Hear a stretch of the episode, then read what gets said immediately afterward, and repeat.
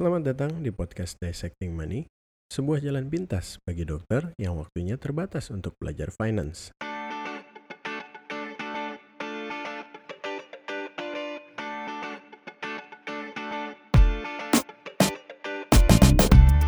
Hello Money Dissectors, kembali lagi di episode podcast dari Dissecting Money dan kembali lagi bersama saya Dr. Jeff Tatobing yang akan menjadi host Anda di podcast ini. Dan kita sudah sampai di episode ke-13 dan episode ini saya kasih judul Just Do It. Seperti slogan merek sepatu, tapi nanti saya akan jelaskan kenapa judulnya seperti itu karena di tengah-tengah working from home, isu pandemi COVID-19 ini saya mau bicara lagi-lagi hal yang sedikit menyimpang dari investasi dan finance. Karena menurut saya agak-agak membosankan ya di saat yang stressful gini.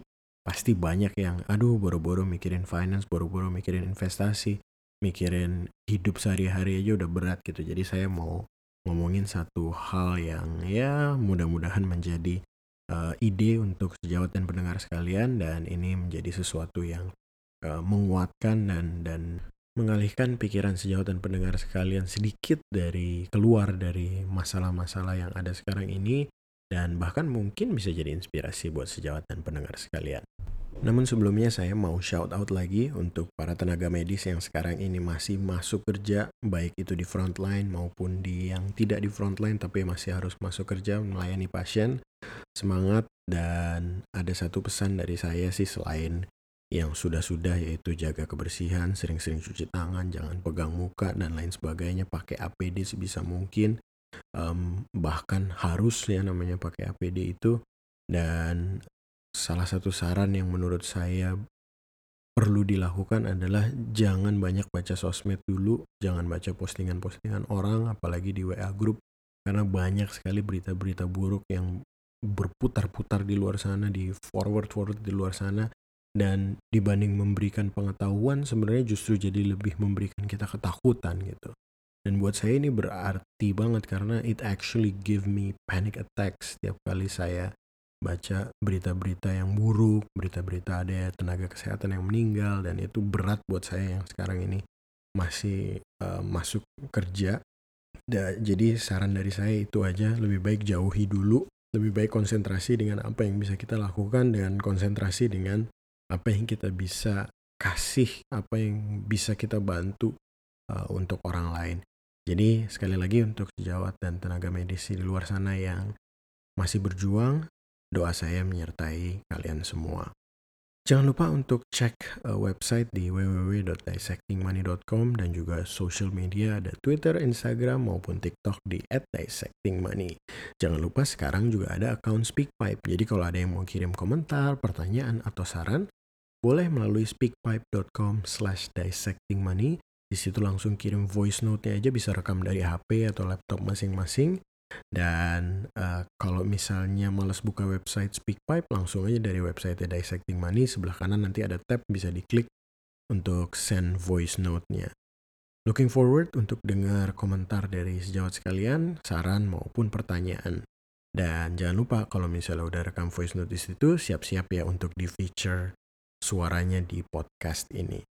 Oke, masuk ke pembahasan utama dari episode ini yaitu Just Do It saya mau bicara tentang entrepreneurship walaupun saya bukan seorang entrepreneur yang terkenal tapi materi yang saya mau bahas tuh akan nyenggol-nyenggol si uh, entrepreneurship gitu. Jadi untuk yang punya jiwa-jiwa memulai sesuatu yang baru, saya kira baik untuk didengarkan dan siapa tahu kita bisa jadi diskusi nanti belakangan. Uh, menyambung dari episode yang ke-11 sebenarnya yang saya kasih judul Inspiration in Isolation karena ternyata isolasinya makin lama dan kita nggak tahu ujungnya kapan. Jadi saya mau ngomongin ini lagi gitu karena situasi sekarang ini sekali lagi segala sesuatu jadi harus online online shopping lah, online teaching, online seminar, webinar dan lain sebagainya segala sesuatu harus online. Nah, kembali lagi saya mau bahas sedikit bahwa cuma ada dua sudut pandang menghadapi semua ini, yaitu yang pertama menganggap itu sebagai perkara, tapi yang kedua kita bisa melihat ini juga sebagai kesempatan. Dan menurut saya justru karena kita nggak tahu nih ujungnya wabah pandemi COVID-19 ini sampai kapan, jadi we cannot actually afford to think of this as a problem. Kita harus menganggap ini adalah kesempatan. Karena we cannot afford to think otherwise. Situasinya emang udah seperti ini. Kita nggak tahu ujungnya bagaimana sehingga kita harus menganggap ini adalah kesempatan. Dan dari segi itu kita juga jadi bisa berpikir lebih positif dan memulai hari itu jadi bisa lebih bersemangat gitu. Sekarang saya mau kasih perspektif gini sejawat dan pendengar sekalian. Bilanglah dengan kondisi kita semua terisolasi begini, lagi work from home lah ya istilahnya sekarang yang lagi backend. Saya mau kasih gambaran. Misalnya gini, bayangin kalau misalnya semua orang yang work from home, yang lagi mengisolasi atau mengkarantina diri masing-masing di rumah, kita bagi dua bagian besar, 50% sama 50%. Bayangin 50% yang pertama dia lanjut kerja seperti biasa. Ini dalam konteks karyawan artinya dia kerja seperti biasa. Ya job desknya dia apa itu yang dia kerjain dari rumah. Apa yang disuruh bosnya dia kerjain itu aja yang dia kerjain dari rumah. Sisanya dia nggak ngerjain apa-apa. Dia hanya ya complain as to how things are not good right now. Nggak bisa ketemu teman lain-lain sebagainya bla bla bla. Oke ini 50% yang pertama. 50% yang kedua, grup yang kedua ini menganggap bahwa dengan bekerja di rumah, dia jadi banyak waktu luang. Dia jadi banyak waktu untuk belajar hal-hal yang sebelumnya belum sempat atau nggak ada waktu untuk dia pelajari. Dan dia mencoba hal-hal baru yang berkaitan dengan online-online pokoknya. Entah itu desain grafis kan, entah itu bikin blog seperti yang saya buat. Tapi you get the idea. Jadi 50% yang pertama nggak ngapa-ngapain, 50% yang kedua justru menganggap oke, okay, this is actually the time for me to grow. This is actually the time for me to learn about new things. Jangan lupa sekarang semua hal bisa kita dapatkan online. Belajar apa pun bisa online.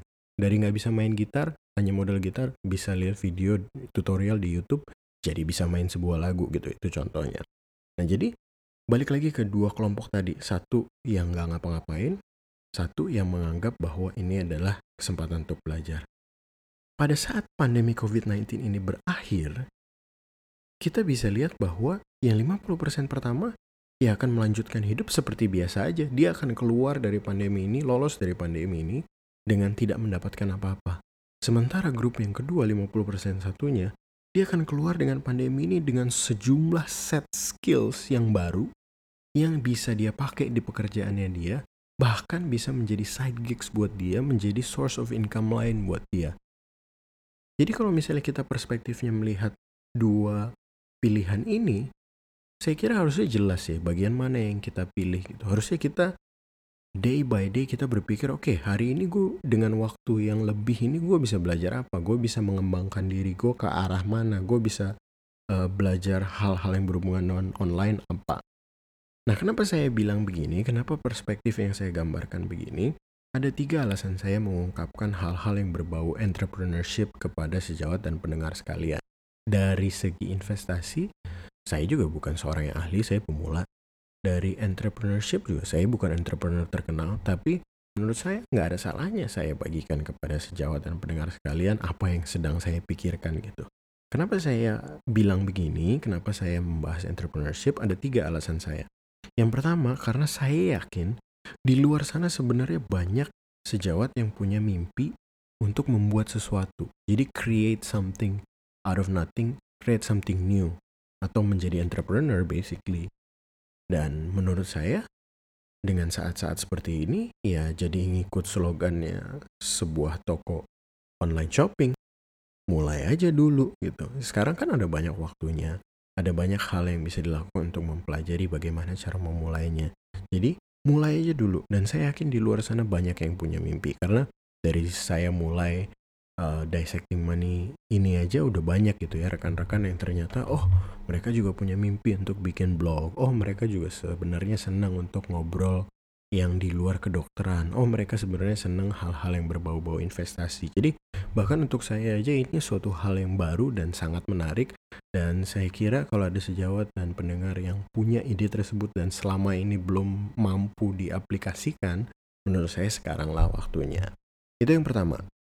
Yang kedua, alasan kenapa saya menganjurkan atau encourage sejawat dan pendengar sekalian untuk memulai sesuatu yang baru, itu karena burnout. Nah, untuk yang sudah tahu burnout, itu sebenarnya adalah suatu hal yang sangat lazim dialami oleh seorang dokter. bahkan di dunia sebelum pandemi COVID-19 ini aja burnout itu udah sangat nyata.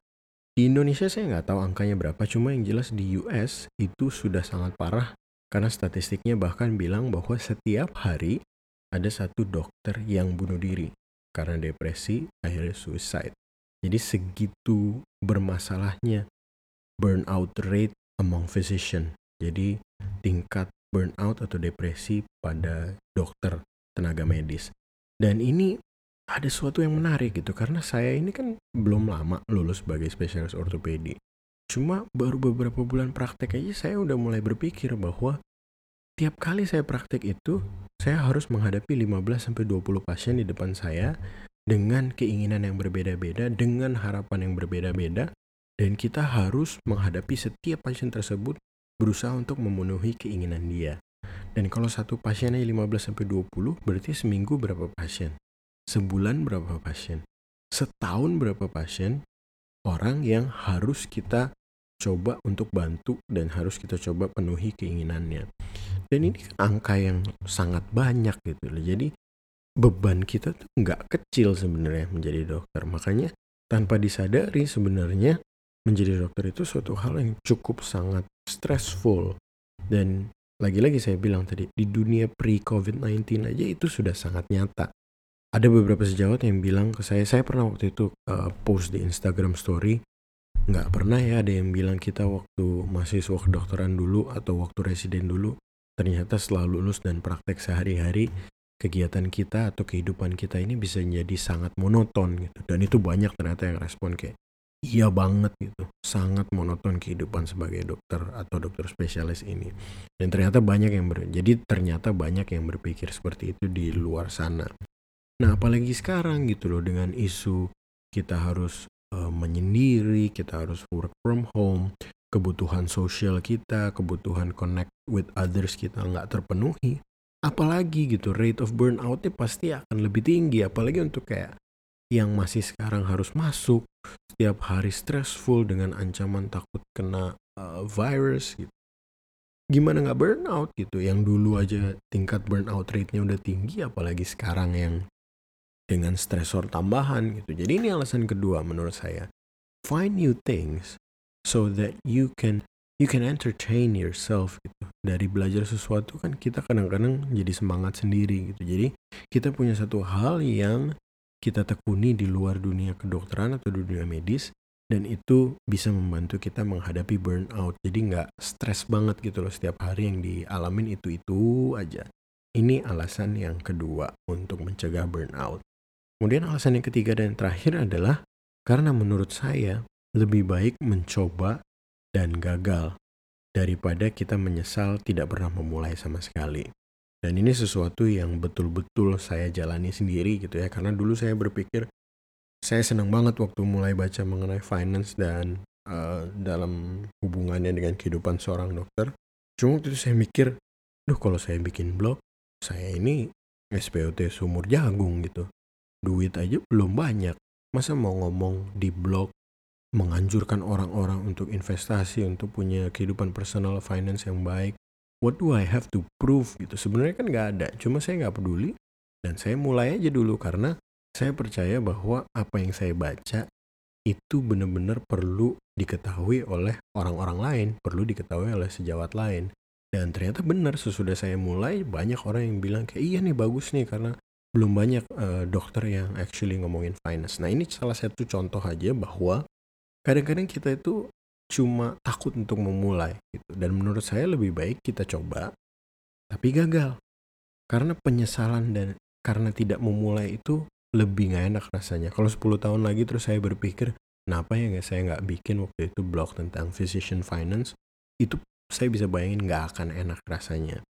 Sementara lebih baik saya mencoba dan gagal, walaupun dissecting money nggak bertahan, misalnya cuma 2 tahun terus akhirnya nggak ketemu konten lagi, I don't care. Yang penting I try and I actually learned how to start a blog, how to make a blog, how to run a blog. Jadi dari kegagalan aja banyak sekali hal-hal yang sebenarnya bisa kita pelajari dan banyak hal yang bisa benar-benar membuat kita bertumbuh. Jadi opsinya jelas gitu. Lebih baik mencoba dan gagal daripada kita menyesal sama sekali nggak memulai. Jadi tiga alasan ini yang membuat saya mau ngomong berbau-bau entrepreneurship. Yang pertama karena di luar sana saya yakin banyak yang punya mimpi menjadi entrepreneur juga. Bahkan banyak yang udah jadi dokterpreneur gitu ya istilahnya sekarang. Pasti banyak lah yang punya mimpi yang sama. Yang kedua mencegah burnout. Kemudian yang ketiga karena lebih baik nyoba tapi gagal daripada kita menyesal di kemudian hari. Berikutnya saya mau bahas mengenai oke okay, kalau misalnya Jeff lu ngomong tentang entrepreneurial Kira-kira hal-hal apa sih yang bisa dilakukan? Nah pastinya banyak dan mungkin sejauh dan pendengar sekalian bahkan tahu lebih banyak hal-hal yang bisa dilakukan sekarang itu apa. Cuma ini beberapa poin aja yang menurut saya bisa dilakukan, sekedar saran untuk uh, sejauh dan pendengar sekalian. Yang pertama adalah menjadi content creator, membuat konten, entah itu dalam bentuk vlog, video log, atau dalam bentuk blog atau web blogging, atau dalam bentuk podcast seperti yang saya lakukan saya juga pengen sih sebenarnya bikin vlog cuma karena sarana dan prasarananya belum terpenuhi jadi ya belum sampai ke sana. Cuma yang jelas saya punya mimpi untuk suatu saat Dissecting Money punya vlog.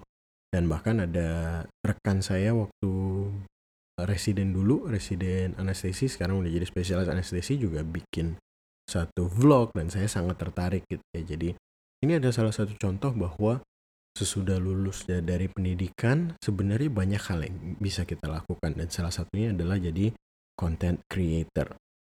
Nah, ini satu hal yang penting menurut saya diutarakan mengenai content creator yaitu jangan pernah berpikir bahwa konten yang Anda pikirkan di kepala Anda itu nggak penting. Saya ulangi lagi, jangan pernah berpikir bahwa konten yang mau kita bagikan itu nggak penting. Cause you'll never know kita nggak akan pernah tahu sebenarnya apa yang akan orang lain suka, apa yang akan publik suka. Saya kasih contoh nih. PewDiePie, salah satu YouTuber terkenal gara-gara game, jadi dia gamer yang bikin YouTube channel, itu salah satu YouTuber yang paling banyak followersnya, kalau bukan yang terbanyak. Terakhir kali saya cek sih dia masih yang terbanyak, cuma nggak tahu sekarang. Namanya PewDiePie, itu YouTube channelnya dia isinya dan dulu lakunya itu hanya rekaman dia lagi main game. Dan kemudian di sudut kanan atas ada kamera yang nyorot mukanya dia pada saat main game dan itu laku guys. Dan kalau misalnya teman-teman atau sejawat dan pendengar sekalian itu dari generasi millennials yang ngalamin seperti saya main Nintendo, Sega, PS1, PS2, PS3 dan seterusnya kita tahu gitu waktu dulu kalau misalnya kita nggak punya konsol main ke rumah temen kalau misalnya cuma untuk nonton dia main RPG atau main FIFA atau main Winning Eleven ya kita nggak akan seneng. Ngapain gue datang ke rumah lu cuma buat nonton doang cuma buat lihat ekspresi lu main game kita main ke rumah temen kalau punya konsol pasti pengen main pengen diajak main gitu gantian atau main dua players nah si PewDiePie ini dulu bikin vlog yang isinya cuma dia main game dan memperlihatkan ekspresi muka dia pada saat main game. Dan yang banyak laku itu setahu saya yang karena game-game serem gitu. Jadi dengan sumpah serapahnya dia kagetnya dia pada saat main itu itu yang dijual gitu. Dan ternyata laku. Orang actually nonton dia main game, seneng melihat ekspresi dia saat main game, dan itu laku dan dia followersnya paling banyak dan saya nggak bisa bayangin berapa berapa duit yang dia dapatkan dari dari YouTube channel tersebut. Nah ini adalah salah satu contoh gitu bahwa jangan pernah berpikir bahwa konten yang mau kita bagikan itu nggak penting. Kita nggak akan tahu sebenarnya itu akan laku atau enggak. Nah yang lucunya lagi ada argumen seperti ini dan menurut saya ada benernya juga gitu ya. Orang-orang yang senang gitu ya nontonin PewDiePie atau youtuber yang main game gitu terus di counter sama yang skeptis kemudian dia bilang ngapain sih lo nonton begituan? Apa enaknya nonton orang lain main game? Terus dibalas sama orang-orang yang seneng nonton uh, youtuber-youtuber yang macam gini mereka bilang gitu lalu suka bola kan? Lu suka basket kan? Ngapain lu nonton? Orang mereka yang main mereka yang skor gol kenapa jadi lu yang seru bener juga kan kalau dipikir-pikir jadi kadang-kadang tuh kita tuh terlalu terpaku sama hal-hal yang sudah lazim kita terima sebelumnya Padahal kalau kita mau misalnya mau mulai sesuatu yang baru bisa jadi itu suatu hal yang menarik akan menarik sekali untuk orang lain gitu. Jadi jangan pernah mengecilkan ide yang ada di kepala Anda, jangan pernah berpikir konten tersebut kalau dibagikan tidak penting. Ini adalah salah satu contohnya. Jadi itu, content creator silakan. Kalau misalnya punya mimpi bikin vlog silakan beli bahan dan alat-alatnya semua. Kalau misalnya bikin blog ada yang mau nanya saya silakan saya terbuka. Boleh kontak saya, mau bikin podcast juga boleh silakan. Bahkan ada rekan saya senior saya waktu sekolah dulu seorang spesialis bedah plastik sekarang waktu mau mulai podcast dia sempat tanya gitu ke saya gimana cara dan saya senang dengan senang hati akan bantu walaupun saya juga nggak bikin podcast yang bagus-bagus amat cuma at least I'm starting something. Jadi kalau misalnya ada yang mau mulai jangan takut silahkan mulai aja. Kemudian yang kedua selain content creator yang bisa dilakukan adalah buka online shop atau dropshipper. Nah apa sih bedanya? Mungkin ada yang udah tahu ada yang belum. Cuma online shop sama dropshipper itu bedanya gini. Kalau online shop artinya kita pegang dulu barangnya, kita pooling dulu barangnya, baru kita jual. Jadi barangnya ada di rumah kita, kita harus punya atau kalau nggak di rumah ya punya gudang tertentu untuk nyimpen barang dan kemudian kita buka account online shopnya di platform-platform yang sudah terkenal sekarang dan kemudian kita jual barang-barang tersebut. Itu namanya punya online shop. Cuma kalau dropshipping ini sesuatu yang saya sendiri juga baru tahu bahwa ada yang namanya dropshipping. Dropshipping ini adalah kita nggak perlu kita nggak perlu simpen barangnya di rumah kita. Karena yang kita lakukan adalah kita tahu distributornya, kita tahu barangnya, kita pasang aja iklannya langsung di platform toko online. Dan nanti begitu ada yang beli, baru kita pesan sama distributor. Dari distributor akan langsung kirim barangnya ke alamat si pembeli. Jadi barangnya nggak perlu lewat kita, nggak perlu kita pulling dulu di rumah. Jadi langsung dari si distributor ke si pembeli. Makanya kadang-kadang kalau misalnya kita pesan sesuatu di online, pas nyampe tuh ada tuh tulisannya tuh, ah, ini drop drop shipping atau enggak. Dan biasanya ciri khasnya adalah alamatnya biasanya bisa dari Cina, bisa dari mana lah negara lain. Jadi pengirimnya tuh bukan si uh, online shop yang kita beli waktu di platform toko online. Enaknya adalah kita nggak perlu pooling barang. Cuma susahnya kalau misalnya dropshipper itu adalah berarti kita harus yakin banget bahwa dari distributor barangnya benar gitu barangnya bagus jangan sampai kita udah dapat pembeli kemudian barangnya udah dikirim ternyata kita pun nggak tahu bahwa barangnya ternyata kualitasnya jelek dan akan lebih susah gitu dan salah satu drawbacknya juga kalau misalnya dropshipper adalah kalau misalnya ada yang mesen ternyata dari di distributor barangnya kosong jadi itu jadi reputasi jelek untuk si penjual dan lain sebagainya cuma anyway jadi Jangan lupa bahwa ada opsi untuk online shop atau dropshipping. Kita bikin sendiri toko online shop kita. Nah ini saya terinspirasi dari tetangga saya yang merupakan uh, seorang dokter gigi. Jadi suami istri dokter gigi. Cuma mereka sekaligus buka online shop untuk barang-barang prosedur dental gitu, prosedur gigi. Dan itu sejawat dan pendengar sekalian, ordernya nggak habis-habis sehari itu mungkin ada kali 20 kali kita dengar bahwa ada ojek online atau uh, kurir-kurir online yang mengantar paket atau mengambil paket untuk dianterin. Jadi artinya kan tokonya laku banget gitu. Dan menurut saya ini sesuatu yang luar biasa gitu. Karena mereka bisa melihat suatu kesempatan. Misalnya nih saya seorang dokter gigi. Dan kemudian saya praktek, saya misalnya pasang behel lah let's say. Dan saya tahu bahwa nanti sore saya mesti pasang behel seseorang tapi ternyata karetnya habis. Akan sangat baik kalau misalnya saya bisa order di online dan langsung diantar yang instant atau same day sehingga itu langsung diantar ke tempat saya dan sehingga nanti sore saya bisa langsung pasang di pasien dan mereka melihat itu sebagai suatu kesempatan sehingga ya udah mereka aja yang jadi uh, buka online shop untuk barang-barang dental ini dan menurut saya ini sangat-sangat bagus, ini bisnis model yang sangat bagus karena barang yang mereka jual mereka ngerti gitu. Mereka sendiri ada praktisi, praktisi di dentistry. Sehingga menurut saya kalau misalnya buka online shop atau dropshipping, alangkah baiknya barang-barang yang dijual adalah barang-barang yang kita kuasai kualitasnya atau cara penggunaannya gimana. Salah satu contoh lagi dari salah satu salah satu orang yang menjadi inspirasi saya gitu ya dan udah berkali-kali saya sebut yaitu Gary Vaynerchuk atau Gary V, dia itu sering sharing sesuatu yang namanya flipping atau flip selling. Apa sih yang dilakukan flip selling itu adalah gini, dia pergi ke garage sale, kemudian dia cari barang-barang yang menarik gitu ya, barang-barang kuno lah, kartu baseball lah, atau segala macam. Terus kalau misalnya ada yang harganya cocok untuk dia, terus langsung dia Google. Misalnya dia cek di Amazon atau eBay untuk used items ini kira-kira harganya berapa pasaran yang di luar sana. Dan kalau misalnya dia bisa dapat profit margin 2-3 dolar aja, udah langsung dia beli. Dan dia jual online sehingga dia per item dia dapat untung 2-3 dolar. Walaupun orang-orang protes gitu ya pada ngelihat kayak ngapain lu udah entrepreneur terkenal masih melakukan hal-hal kayak gitu demi untuk uh, profit cuma 2-3 dolar per item. Cuma kalau dipikir-pikir kan that's easy money. Dari bener-bener cuma datang ke garage sale kemudian sell di online dan kirim ke dia dapat profit per item 2 dolar 3 dolar. Kalau misalnya kita rutin lakukan itu seminggu 2-3 kali artinya sebulan bisa aja dapat profit 50 sampai 100 dolar. Tergantung kita uh, seberapa tekun menjalaninya artinya gini ada hal-hal yang sebenarnya bisa kita lakukan dalam periode periode ini yang sebelumnya nggak kepikiran untuk melakukan atau menurut kita kayak ya dalam tanda kutip terlalu rendah untuk dilakukan seorang dokter. Menurut saya sih nggak ada yang kayak gitu-gitu ya. Jadi just find it out kira-kira apa yang membuat Anda tertarik entah itu online shop, entah itu dropshipping atau mau coba flip selling kayak tadi gitu ya walaupun kita nggak sebanyak di US sana punya garage sale tapi ya saya kira itu sesuatu yang bisa didalami gitu kita cari barang kemudian kita jual lagi dengan harga yang lebih tinggi ambil margin kecil-kecil it's okay Orang kita nggak perlu punya retail store kok, yang kita jual aja dari rumah dengan bikin akun di platform toko online.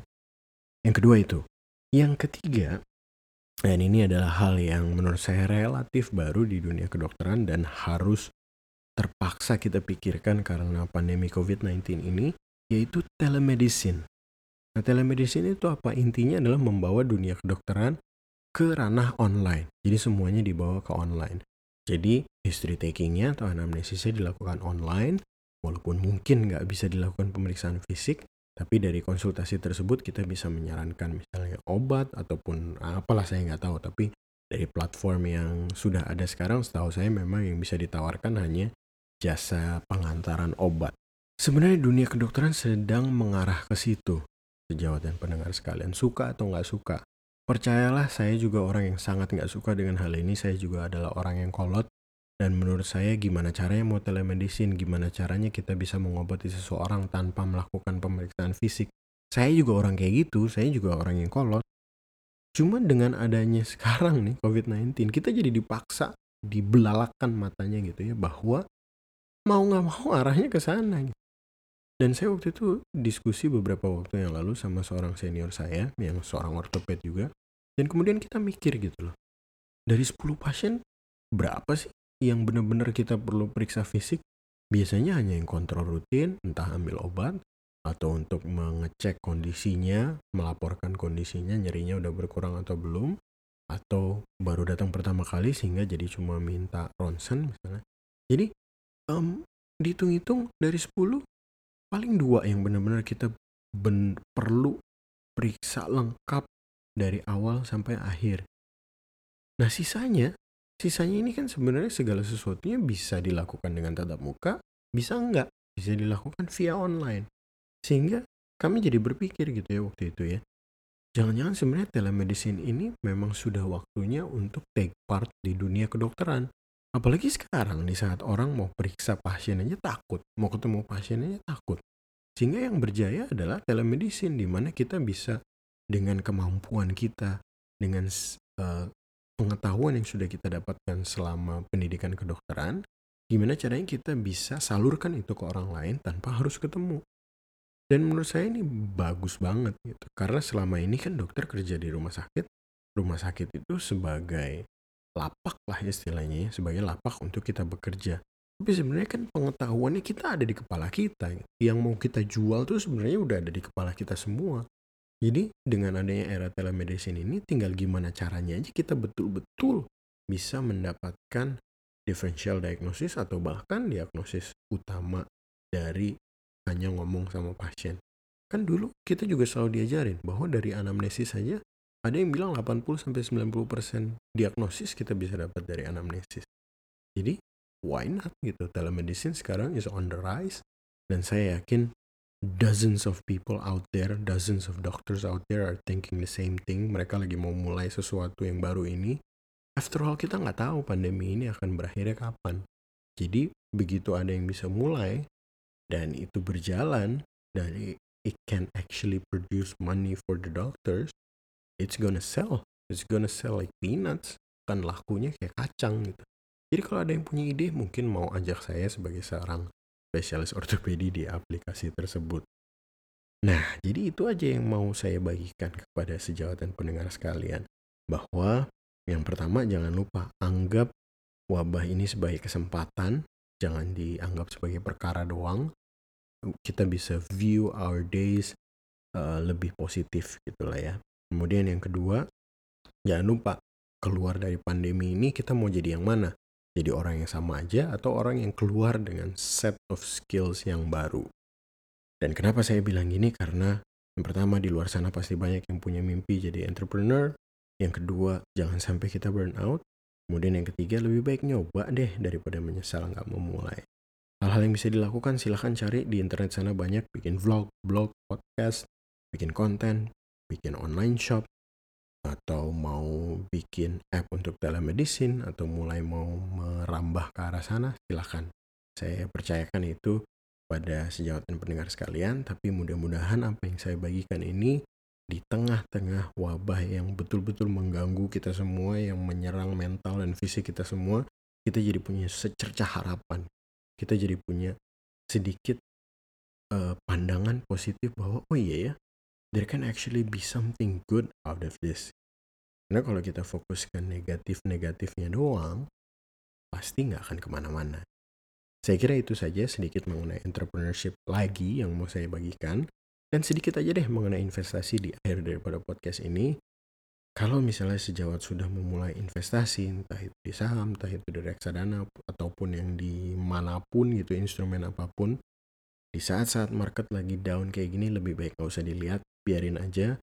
Jangan lupa anda sudah menetapkan tujuan investasi dan itu biasanya adalah jangka panjang, entah untuk uang pensiun, entah itu untuk apa pun.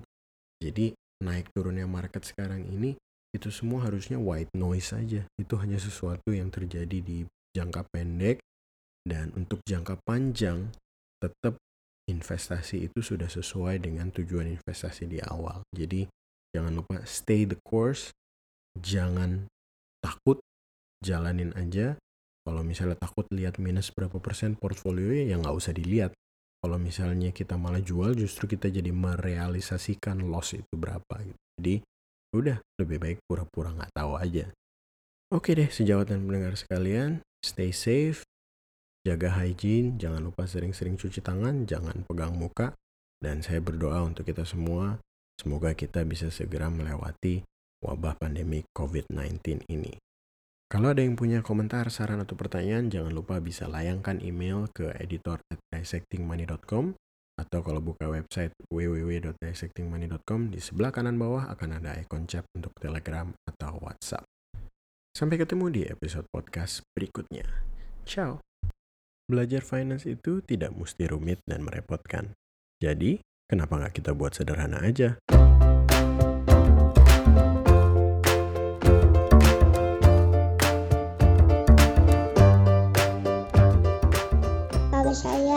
Cita-cita tapi adalah seorang ketuk muda pede, bukan bola keuangan.